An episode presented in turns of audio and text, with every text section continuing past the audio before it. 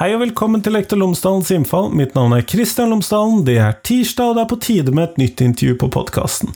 Denne gangen snakker jeg med Gro Marte Strand fra NTNU, og vi snakker om de viktige overgangene i skolen. Vi snakker om overganger generelt, men kanskje primært sett så snakker vi om overgangen til ungdomsskolen, og hvordan vi kan lykkes med den i skolen.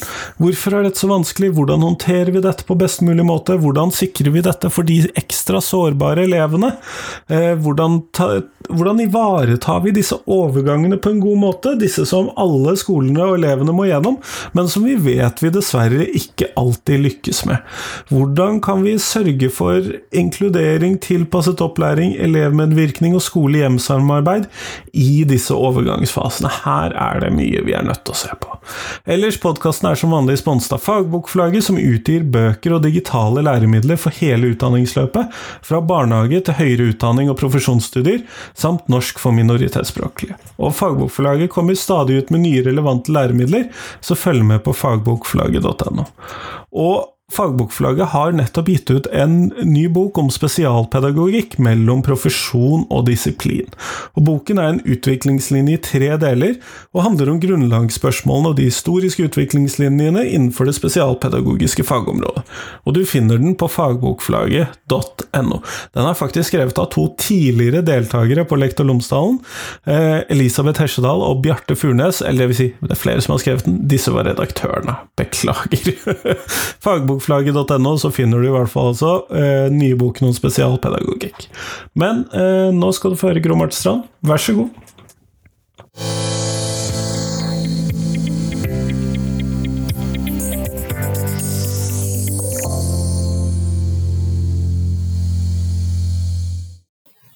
Gro Marte Strand, tusen takk for at du har tatt deg tid til meg i dag. Ja, takk for at jeg fikk komme. Før vi kommer sånn helt i gang, så hadde jeg håpet at du kunne fortelle lytterne mine tre ting om deg selv, sånn at de kan få bli litt bedre kjent med deg. Ja, det kan jeg gjøre, vet du. Eh, tenkte jeg skulle starte med å bare bekrefte at jeg er trønder. Jeg leste på NRK i dag at jeg laga en deepfake av Abid Raja, men jeg er trønder.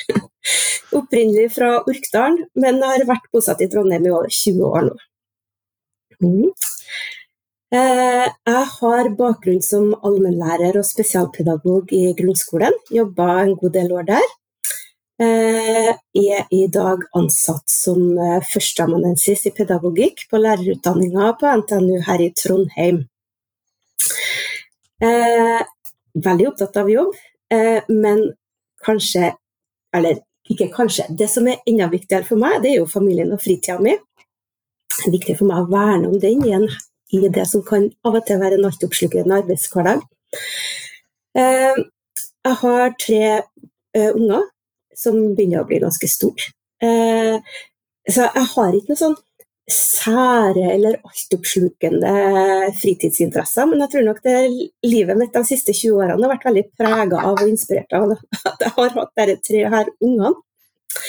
Eh, og så har det slått meg noe i det siste, jeg er jo opptatt av overganger, det er jo det vi skal snakke om i dag, at jeg er i en overgang. Fordi at ungene mine begynner å bli store nå. Eh, eldste, nei, Yngstemann han er 14 år, så jeg bare plutselig gått opp for meg at jeg begynner å ha veldig god tid. Så det å finne nye ting å fylle fritida mi på, i stedet for å fylle den med arbeid, som kanskje kan være veldig fort at man gjør, det, det tror jeg skal være litt bevisst på framover. Ja, ja. Nei, bare fortsett. Nei, så, så, det jeg har begynt med nå, da, som har vært eh, brukt mye tid på i det siste, det er drivhus. Det tror jeg er sånn typisk middelaldrende dameaktivitet. Så jeg er veldig, jeg var veldig stolt i går. Da spiste jeg min første egendrevne, framdrevne mais. Det syns jeg var litt kult. og maisen fikk ikke jeg til i år, eh, overhodet. Eh, nå er kompost mer min greie, og så er det min kone som står for beplantningen i disse tingene her, men ja. eh, jeg føler på noe av det samme. Ja. ja. Uh, jeg, driver med kompostering av det, det tror jeg jeg har gjort i 25 år. Ja. Det, det, må man gjøre hvis man har drivhus og hage. Men sånn apropos andre overganger, da, hvis vi skal klare å komme oss over til temaet. Mm. Så hvorfor er det viktig at vi fokuserer på, tenker på, er bevisst på denne overgangen til ungdomsskolen? Eh, det eh, altså Jeg har av og til sånn tenkt at den overgangen til ungdomsskolen er den glemte overgangen. Den har vært litt sånn selvfølgelig, fordi den ligger ja, et, sju år etter grunnskoleløpet. Der ungene har gått sju år på skolen allerede. Og jeg tror det er sånn lett da å tenke at det for dem å begynne på ungdomsskolen blir bortimot mer av det samme. Eh, eh, og jeg lurer på om Jeg har en liten mistanke om at det er derfor vi, vi snakker litt lite om den, for den er så selvfølgelig. Eh, men så har jo jeg da oppdaga, apropos det med barna mine altså Mye forskning er veldig inspirert av at jeg har barn i skolen. Eh, der man får et litt annet perspektiv på skolen som mamma enn når man er lærer. Og det jeg oppdaga da min eldste begynte på ungdomsskolen, at vet du, det her er faktisk ikke mer av det samme. De kommer inn i noe som er ganske annerledes. Eh, og så lenge vi ikke er bevisst på det, og, og eh, snakker om det og har tanker om hvordan vi skal legge til rette for gode overganger, det kan gjøres veldig enkelt, så tror jeg vi, vi mister veldig mye. Vi går glipp av en unik sjanse for å skape noe nytt for ungene på en veldig bra måte. Mm. Og så vet vi at uh, Vi vet at overgangen til ungdomstrinnet kan være veldig tøff for veldig mange elever, og at den da kan hindre eller skape rett og slett frafall. Mm. Men når vi da snakker om denne overgangen, eh, så, så, skal ikke jeg være vanskelig i den forstand at vi må differensiere på de som går fra eh, syvende til åttende innenfor en sånn åtte til ti-skole, nei, én til ti-skole, det mistenker jeg kan være litt annerledes, men fortsatt en stor overgang. sånn at det er primært sett der hvor man går fra syvende klasse på én skolebygning, eller skole administrativ inndeling til en åttende klasse på en annen administrativ inndeling. Men jeg mistenker at det er flere samtidige overganger som skjer for den enkelte eleven? Ja, det er jo det. Og, og da har jeg lyst til å ta tak i det du sa først, det med forskjellen mellom dem som går på integrerte eller segregerte skoleløp. Eh, for jeg tror ja, det vil jo være annerledes, eller det kan være annerledes, men så er jo også 1-10-skolene våre rigga så forskjellig. Så jeg har en tanke om at jeg tror det er veldig vanskelig å gi noe entydig svar på om det vil være enklere, f.eks. Det handler jo om at det som du sier at overgangen handler mye mer om veldig mye mer enn det fysiske skiftet. Eh, og så tror jeg dessverre sånn at jeg da, som sjøl har vært lærer på mellomtrinnet har, har fulgt elever ut barneskolen, sjøl tenkt på den overgangen kun som et fysisk bytte. At det det handla om, var å vise elevene skoleveien og overføre elevinformasjon, og så gikk resten av seg sjøl. Um, men så er det jo veldig mye annet som også vil oppleves for veldig mange elever på, eller alle elevene på 1-10-skoler f.eks. møter det med karakterer for første gang. Tallkarakterer. Eh, det er valgfag. altså Det er en del nye fag, det er en del nye fagkombinasjoner. Det blir gjerne nye bøker. Man rykker opp et hakk. Eh, mange 1-10-skoler er også egentlig praksis segregert. Egen fløy for ungdomstrinnet, egne lærerteam. Eh, her i Trondheim har vi 1-10-skoler der det kommer inn elever fra andre barneskoler i tillegg til dem som allerede går der. Sånn at det, det er mange samtidige overganger. Uh, ja. Så nå nevnte jeg litt av det, det med karakterer, men mm. Mm. Men la oss starte der, da, så kan vi gå ja. til andre overganger etterpå. Eh, ja.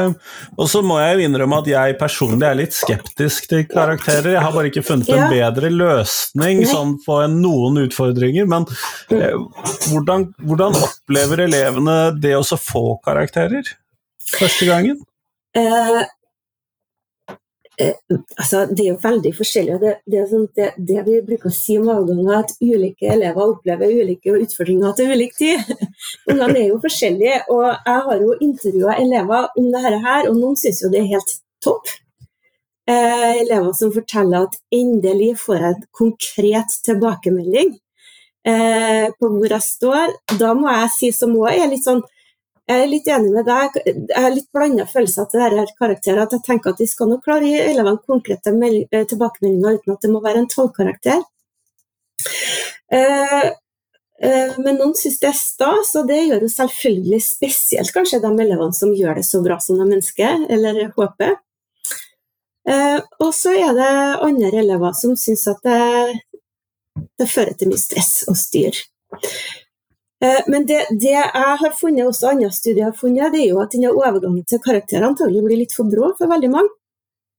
Eh, ja, det kommer jo helt plutselig i begynnelsen av et nytt år. ja, og jeg tenker jo at det kan ikke gjøre. Dette tenker jeg er et godt eksempel på enkle grep for å gjøre skolestarten på ungdomsskolen mye bedre. Det å ha en dempa karakterstart.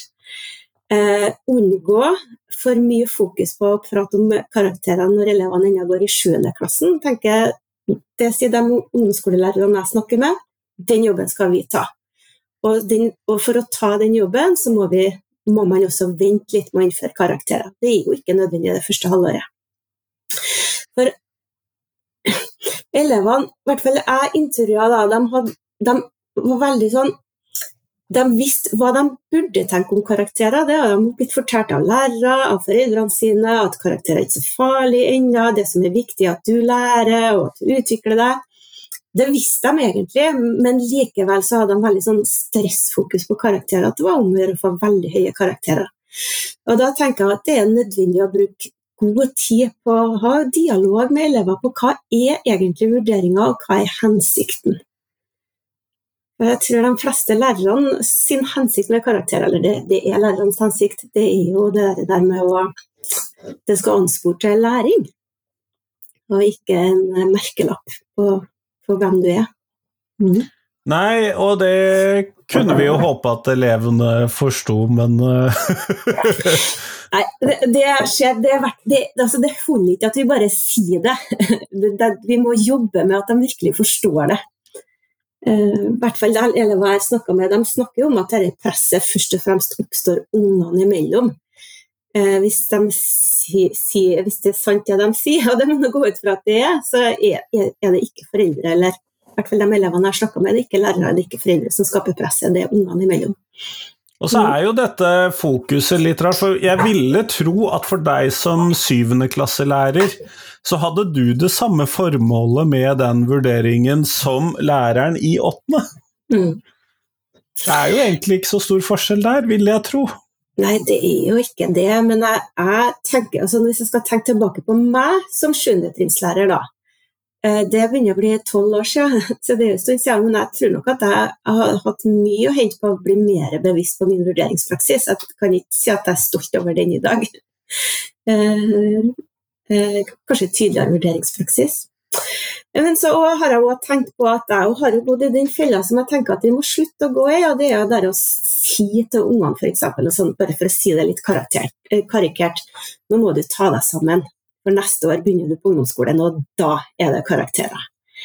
Og jeg tror bare med å si sånne ting, så er vi med på å skape en forståelse for ungene som er helt motsatt av det vi ønsker. Ja, og det er jo en potensiell utfordring. En annen som jeg også hører i det samme momentet, er jo det der at eh, ja, vi har så mye lekser her på dette trinnet, fordi at neste år skal du på ungdomsskolen, og så blir det så mye mer lekser. Mm. Eh, og hvis man kommer til en skole med et høyt leksetrykk, eller til en lærer med et høyt leksetrykk, så er jo det selvfølgelig en sannhet. men så vidt jeg kan se fra mine barn, så har de hele tiden gått i sånn progressivt lavere leksetrykk oppover. Eh, ja. Akkurat det samme har jeg jo erfart med mine unger. Eh, eh, og det her peker jo egentlig på det samme årsaken til problemet som med karakterer. Og det er jo at barne- og ungdomsskolelærere ikke snakker sammen. eh, og, og det å tenker jeg tilbake til hvorfor må vi snakke mer om overgangen. Jeg tror den har vært så selvfølgelig at vi glemmer at det må samarbeides skoleslagene. Altså de lærerne som gir fra seg, det kan jo skje i en til ti skoler, må snakke sammen med dem som skal ta imot elevene. Og det er mye som tyder på at der er det masse, masse, masse å hente. Jeg har jo henta inn litt sånn rutinebeskrivelser f.eks. Fra, fra overganger, og jeg er jo forbausa over hvor lite det står om dialog mellom dem som faktisk står i klasserommet og møter elevene. Ja, for det de snakker om, hvis jeg bare kan få gjette ut ifra litt av det du sa, og litt sånn mine tanker om tematikken, så er det det at man stort sett da snakker om hvem er Paul? Mm, ja. eh, eh, hvordan gjør han det i fagene, og hvor mm. umulig er han eventuelt i klasserommet? Ja. Og hvis han er på en eller annen måte har utsatt noen for vold eller lignende, så informeres det om det, og kanskje en diagnose eller tre. That's it. Ja, eh, det er sånn. Og, og jeg oppdaga i min studie at det var jo heller ikke om alle barn. Eh, det var, det var de. Det var dem det var noe med i hermetegn, ble det sagt. Eh, og de som overførte den informasjonen, var jo gjerne spesialpedagoger, eller i hvert fall de som tok imot informasjon, var spesialpedagoger, som igjen skulle sile ned til dem som, som skulle møte dem i klasserommet. Men det der, informasjon om elever. Eh, og så er det jo det at når man da ikke har den kommunikasjonen, så kan man jo misforstå hverandre over skoleslagene på hvilken informasjon er det barneskolene har, eh, ungdomsskolene har bruk for. Og hvordan blir den samme informasjonen behandla på ungdomsskolen? For man ulike, hvis man har ulike forståelser, så kan den samme informasjonen bli fortolka forskjellig. Eh, så der er det en del å ta tak i. Så bare for å legge det, jeg er jo veldig overraska i dag over at vi får en ny opplæringslov snart så blir det Det er lovpålagt samarbeid mellom kommuner og, og skole, altså barnehageeier, skoleeier, i, i den overgangen til førsteklassen. Det blir vel lovpålagt eh, samarbeid i overgangen til ungdomsskolen videregående, men det er fortsatt ikke lovpålagt eh, samarbeid mellom barnetrinn og ungdomstrinn. Og det tenker jeg er et signal om at dere, i hvert fall styringsnivået i Norge da glemmer at overgangen til ungdomsskolen kan være vel så krevende. Mm. Ja, og det legger jo ikke Hvis ikke det er lovpålagt, så er det litt vanskelig å prioritere det i en allerede ganske full hverdag. Det er akkurat det, for det må prioriteres. Det må det. Må, det, må det. Og det interessante med det er jo at da kunne jo eh, barneskolelærerne hatt mer kjennskap til hva man fokuserte på på ungdomsskolen, eller hvor høyt leksetrykket var, eller mm. den typen ting. Mm, mm. Eh, for vi må jo anta at disse påstandene om at det blir så høyt leksetrykk neste år, ikke bare er en unnskyldning for at man selv skal kunne ha et høyt leksetrykk. jeg håper jo ikke. Jeg hadde jo en elev jeg må bare si, jeg må skryte av elevene og snakke med. Han var veldig observant og klok. og Det var jo en som sa at han trodde jeg lurer på om barneskolelæreren sa det bare for at jeg skulle gjør leksa mi. Eh, men samme eleven sa vel òg at jeg lurer på om lærerne snakker om den ungdomsskolen de sjøl gikk på. Og så har de ikke skjønt at det er, det er jo kjempelenge siden. eh, og det er jo det, akkurat det, det har nok jeg sjøl gjort som sjuendetrinnslærer òg. Jeg har bare gått ut fra Og det er jo egentlig veldig naivt når en vet at egen skole har forandra seg der man jobber på sjøl, men har tenkt at det er sikkert ganske likt. Og det er egentlig veldig interessant at du sier, for det jeg ser Og dette er mer en sånn større skolepolitisk eh, greie, men hvor man ser på ulike lærerforum osv., og, så og så sier man at nei, selvfølgelig er praksis sånn, eller selvfølgelig er mm. praksis sånn, eller selvfølgelig er mm. praksis sånn. Og så alle har ganske ulik praksis. Ja. Så jeg har begynt å oppdage at vi vet egentlig veldig lite om hva som skjer i norsk skole, fordi at vi alle tror at det skjer sånn som hos oss. ja, det er akkurat det. Det er et veldig godt poeng. Det er sånn. Og det, ja. Det, ja, det bare slår meg når vi snakker om det. Så vi har jo den gjennomgående læreplanen i Norge som gjør at vi lett kan tro at vi har oversikt over hva som skjer, for alle har tilgang til de samme læreplanmålene. Men de blir jo operasjonalisert veldig forskjellig. Eh, og det gjør jo Det snakka både elever og lærere om eh, i min studie, at jeg merka at altså på, på det her Jeg var jo på en segregert segregert eh, ren ungdomsskole. At de oppdaga at ungene fra de ulike barneskolene som kom inn, de har jobba forskjellig med det samme faget. Samme læreplan var, men de, var, de kunne forskjellige ting. De var opptatt av ulike ting. Ja, så vi har ulike praksiser. alt det vi snakker om nå, det, det bruker jo jeg å Jeg kaller at dette er et eksempel på det som kalles den kulturelle, kult, den kulturelle overgangen. da. At hver enkelt skole har sin kulturelt betinga praksiser og forventninger, som vi kanskje tar så for gitt at vi ikke ser at det ikke er sånn på andre institusjoner eller skoler. Mm. Ja, og det er jo da den kulturelle overgangen, men eh, du snakker også om en sosial og en faglig overgang. Hvorfor er disse viktige i seg selv? Eh, det som er et fellestrekk Nå forsker jeg jo også både på overgangen til første barnehage, skole, og også eh, overgangen fra ungdomstrinnet til videregående. Uh, og sammenfaller det med Det er forska lite på overgangen i Norge, veldig lite. Men det er masse forskning internasjonalt, og det er faktisk overgangen til ungdomsskolen det er forska mest på. Ja. Eh, det, er veldig, det er en interessant kontrast. Eh, men det alle studier tyder på, at sånn, et av de kanskje viktigste fellestrekkene med alle overganger, er at det som er viktigst, det er jo at det fungerer sosialt. At man etablerer trygge relasjoner, vennskap, trygt klassemiljø osv. Eh, og i hvert fall der man begynner på nye ungdomsskoler, så begynner man jo veldig gjerne med eh, elever fra andre barneskoler også. Det blir nye klasser, det blir nye voksne. Eh, og det å, å det, altså, en god start, da. Det viktigste for en god start er at det der fungerer, og at man opplever seg inkludert. Og elever i 13 de er jo 12-13 år når de begynner på ungdomsskolen. Det er der å, de er i en alder der de begynner å frigjøre seg. Venner begynner å bli viktigere. Det blir viktigere kanskje å få nye venner. Man blir mer bevisst på, på deres interesser er viktig for vennskap. Så den er veldig viktig i den overgangen. Mm. Og det er jo krevende at dette skjer samtidig. det er jo det. Og det er jo derfor, bare for å dra det, så alle de overgangene jeg snakker om, da, de henger jo veldig sammen. Så det blir jo det aldersaspektet og det biologien i det, den biologiske overgangen, puberteten, som gjør at det skjer mye i den alderen der. Mm. Man kunne potensielt ha tenkt seg at man burde ha litt sånn Eh, ikke samtidige overganger. At det var biologisk overgang, ikke kom samtidig med skoleovergang. Men det blir fryktelig vanskelig å få til. ja, det blir fryktelig vanskelig. Og så er det Jeg må bare si at jeg, eh, jeg, jeg tenker at det er bra. Kanskje det er bra at det samtidig nettopp det at de er der i skjæringspunktet mellom å gå fra barn til eller tweens til, til ungdom. Eh, og da kom på ungdomsskolen, og bare at det heter ungdom i navnet på ungdomsskolen, kanskje, jeg tenker at det er kanskje egentlig veldig riktig.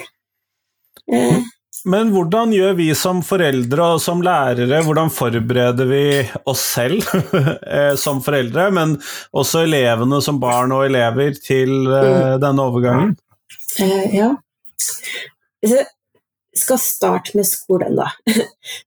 Så tenker jeg at hvis en tenker faglig og den faglige forberedelsen, så er jeg, liksom, det er jeg opptatt av i alle overganger i sjuende trinn så skal man følge sjuende trinn eller barnetrinnets læreplan. Altså det begynner Barnetrinnet skal gjøre det barnetrinnet skal gjøre, ikke begynne å rote i det ungdomsskolen skal gjøre. Ikke begynne å forberede med karakterer. Elevene jeg tror hadde fått prøvekarakterer, det er ingen grunn til å anbefale.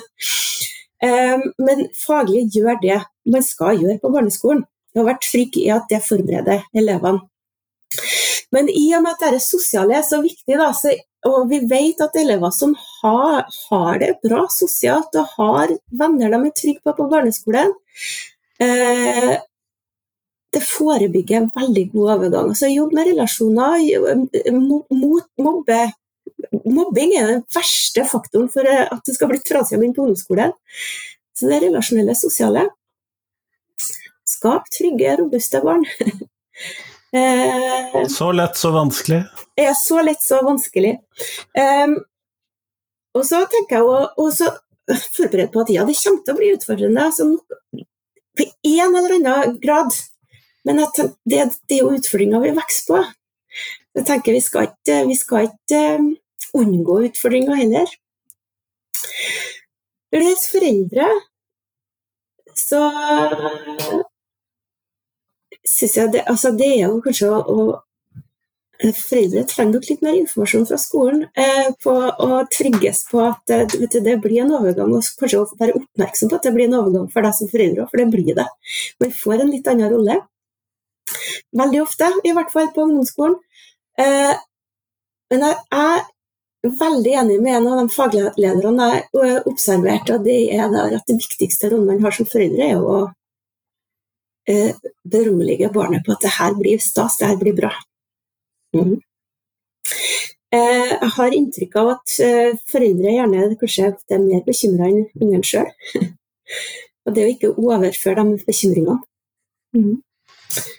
Ja, for det kan jo være ganske spennende som forelder, det der, og særlig hvis barnet er et uh, litt usikkert barn, eller man er mm. usikker på om barnet kan få det sosiale helt til, eller det faglige helt til, så mm. ja. Mm. Så det å kanskje ha litt is i magen. Men jeg tenker jo, altså, nå er jo et annet forskningsfelt jeg er veldig opptatt av, er skole-hjem-samarbeid. Eh, og der ja, tenker jeg at der kan vi gjøre mye i skolen for å bedre det samarbeidet. Det er sikkert eh, ikke alle som er enig med meg i det, men det er jeg ganske sikker på, ja. Uh, at, men der tenker jeg at foreldrene har et ansvar for å etterlyse informasjon. Hvis man ikke helt, kjenner seg helt trygg, så si ifra. Og be om den støtten man kan få. Mm. Mm. Men eh, når du da eh, trekker fram skole-hjem-samarbeidet som særlig viktig mm. eh, Det skal jo egentlig da være på plass fra eh, første klasse oppover, sånn at man kunne jo tenke seg at disse foreldrene hadde informasjonen de skulle ha om ungdomsskolen? Mm. Ja, og det er ulike praksiser fra ulike skoler, men, men, men det jeg fant i min forskning, er jo forbausende likt all skole-hjem-forskning i Norge i tiårsvis. Og det er jo at skole-hjem-samarbeidet forringes jo eldre barna blir. Eh, altså Foreldrene er fornøyd med skolen og syns ungene går på en bra skole, men at samarbeid og kommunikasjon med skolen er for dårlig, og foreldrene er usikre på hva skolen forventer av seg, hva som egentlig foregår i skoletida. Samtidig som vi òg vet at foreldrerollen er kanskje viktigere enn noen gang akkurat i puberteten og i skjæringspunktet når de begynner på ungdomsskolen. Så der er det mismatch. Mm. Det er jo det, da. Mm. Så jeg intervjua også foreldre, samme foreldrene som jeg intervjua i overgangen til ungdomstrinnet, og intervjua jeg også etter at barna deres har begynt på videregående. Eh, og de kunne jo fortelle at fortsatt i tiende så skjønte ikke de greia. Altså Flere av foreldrene var usikre på hva egentlig som skjer på ungdomsskolen. Hva, hva er min rolle oppi det her? Mm. Det må jeg innrømme at jeg ikke helt vet selv. Nei, jeg har ikke gjort det heller. Nei, og det, det her, jeg må bare si at akkurat det her var årsaken til at jeg ble opptatt av det her med ungdomsskole og overgangen til ungdomsskolen. Mm. Eh, men når vi da skal prøve å få til da, denne gode overgangen, Mm. Hvis vi da skal se for oss hvordan vi får til uh, dette, hvis du kunne skissere opp uh, hva må vi ha på plass, må, hvordan kan vi tenke om dette for å sikre at vi får til disse gode overgangene? Um, jeg tenker at um, hvis en tenker veldig overordna på plass først, så er jeg jo litt sånn tilbake til at vi på makronivå vi trenger en forpliktende Altså at det, det må samarbeides. Eh, og jeg tenker òg at skoler trenger en veileder til hva skal man gjøre. Eh, det har vi. Vi er gammel, skikkelig utdatert, men vi har nå tross alt en veileder. Likevel skoler kan støtte seg på i overgangen fra barnehage til skole. Det trenger vi for overgangen barnetrinn og ungdomstrinn også. Jeg håper det kommer. Jeg er litt spent på den nye stortingsmeldinga som kommer for 5. til 10. trinnsatsinga. Eh, håper det signaliseres noe sånt der. Men litt sånn overordna, så at også på styringsnivå blir litt oppmerksomhet på at det her må vi bli mer opptatt av. Eh, så tenker jeg, Hvis jeg trekker det ned til skolen, eh, så tenker jeg at jeg er litt sånn opptatt av at det skolen trenger veiledere, ikke oppskrifter. For skoler er forskjellige, så de som samarbeider felles om overganger til elevene så lokalt, må, må finne sin oppskrift. Eh, men det der, der, å ta inn elevperspektivet, det, det er prøvd i min forskning, da. Og, og prøve å organisere overgangen med utgangspunkt i hva er det ele elevene trenger og, og er opptatt av sjøl. Eh, og, og etablere mye mer tett samarbeid. Eh, tenker Hospitering, f.eks. Å være inne i hverandres skoleverdener litt og, og se hva er det elevene kommer fra, og hva kommer de til. Kan vi klare oss å få bygget litt sånn motstandsdyktighet eller resiliens, eller hvilket ord, sånn i forkant, sånn for å trygge denne prosessen? Ja, det tenker jeg. Altså, og det her er jeg litt sånn opptatt av. at altså, det er sånn Veldig ofte når ting er vanskelig i skolen, så syns jeg det blir litt sånn fokus på at nå skal vi skåne ungene. nå skal vi ta vekk det. Altså, eh, Unger må utfordres, må de må møte krav, og det må de møte på barneskolen òg. Altså, de skal prestere. Eh, ikke, altså, ikke prestere, det hørtes veldig kynisk ut, men altså, møt litt krav, da. eh, og, og, kanskje diskutere det. Hjelp dem litt kanskje med litt sånn strategier. Hva gjør du hvis du kommer i en klasse og du kjenner at her var det veldig få du kjenner fra før? Eh, det snakker ungene om at de gjerne kunne tenkt seg å bli litt mer forberedt på. Eh, til det der å våge og tørre å gå og ta kontakt med den jenta som sitter ved siden av deg, f.eks., og, og sånne ting. Det kan jo være noe av det aller vanskeligste. Det er jo det. Synes jo, det syns jeg er kjempevanskelig sjøl, når jeg er i settinger der jeg ikke kjenner noen. Mm. Eh, ja. Nei, men og det er bare å være oppmerksom på at det nå vil du møte noe nytt, altså, men det vil bli veldig bra. Framsnakk det, tenker jeg òg er viktig. Mm. Ja, det er noe med forventninger oppi det hele. Dårlige ja. forventninger kan jo ødelegge alt mulig. Sånn at uh, det er jo det. Vi går mot slutten av dette intervjuet, Gro Marte, og da ja. uh, tenkte jeg skulle stille deg det spørsmålet som jeg stiller alle jeg intervjuer for tiden. Og hvilken lærer har gjort størst inntrykk på deg, og hvorfor det? Ja, ja jeg var jo forberedt på det. Og det, det er sånne spørsmål jeg har fått før. Jeg syns det er veldig vanskelig. Jeg tror jeg har vært veldig heldig, jeg har hatt mye gode lærere. Eh, men jeg lander Det er bestandig én jeg husker på som jeg kommer fram til, og det var Da er vi tilbake til da jeg gikk siste året på barneskolen. Eh, og vi fikk rektor som engelsklærer. Rektor Leif Mertliås på Orkanger barneskole. um, Jeg tror noe av årsaken til at det gjorde inntrykk, var at altså, da, nå er vi tilbake til midten av 80-tallet. Så det er sånn i gamle dager, da rektor var altså visste nesten ikke at han var et menneske engang. Han var bare en sånn figur som satt bak et kontor, og så skulle vi plutselig ha, ha den der figuren som engelsklærer. Han var vi egentlig liksom, vi hadde veldig respekt for. Nesten så vi på om vi hadde gjort noe galt som å ta han som lærer. Eh, og så var han helt annerledes enn vi hadde forestilt oss.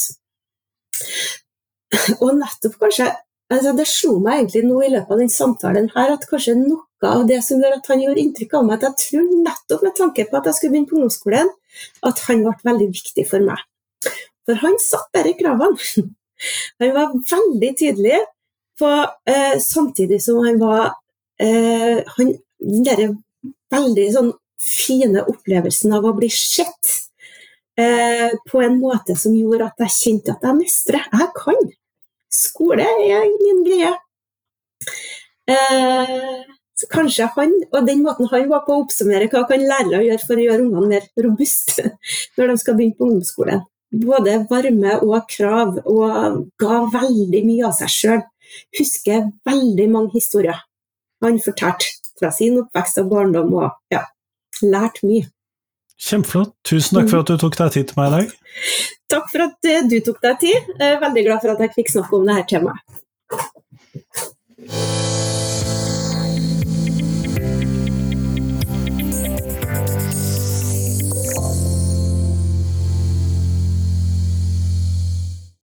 Tusen takk til Gro Marte, og tusen takk til deg som hørte på. Nå er det fram til fredag, så kommer det en ny episode på podkasten, og det tror jeg blir den siste jeg rekker i 2023. 2023 har også vært et gullår for Lektor Lomsdalens innfall, og jeg er utrolig glad for alle dere som hører på podkasten. Men hva har du egentlig lyst til å høre om på podkasten? Hva vil du at jeg skal bruke tiden med? Jeg har spurt alle tidligere deltakere på podkasten, alle jeg har sendt mail til på podkasten. Excel er fint å hente ut e-postadresser, men hva vil du høre? Du som hører på, hva vil du høre på podkasten? Det blir jeg utrolig glad for. Men nå, nå får du ha en fin uke, god nyttårs- og romjulsperiode osv. Hei, hei.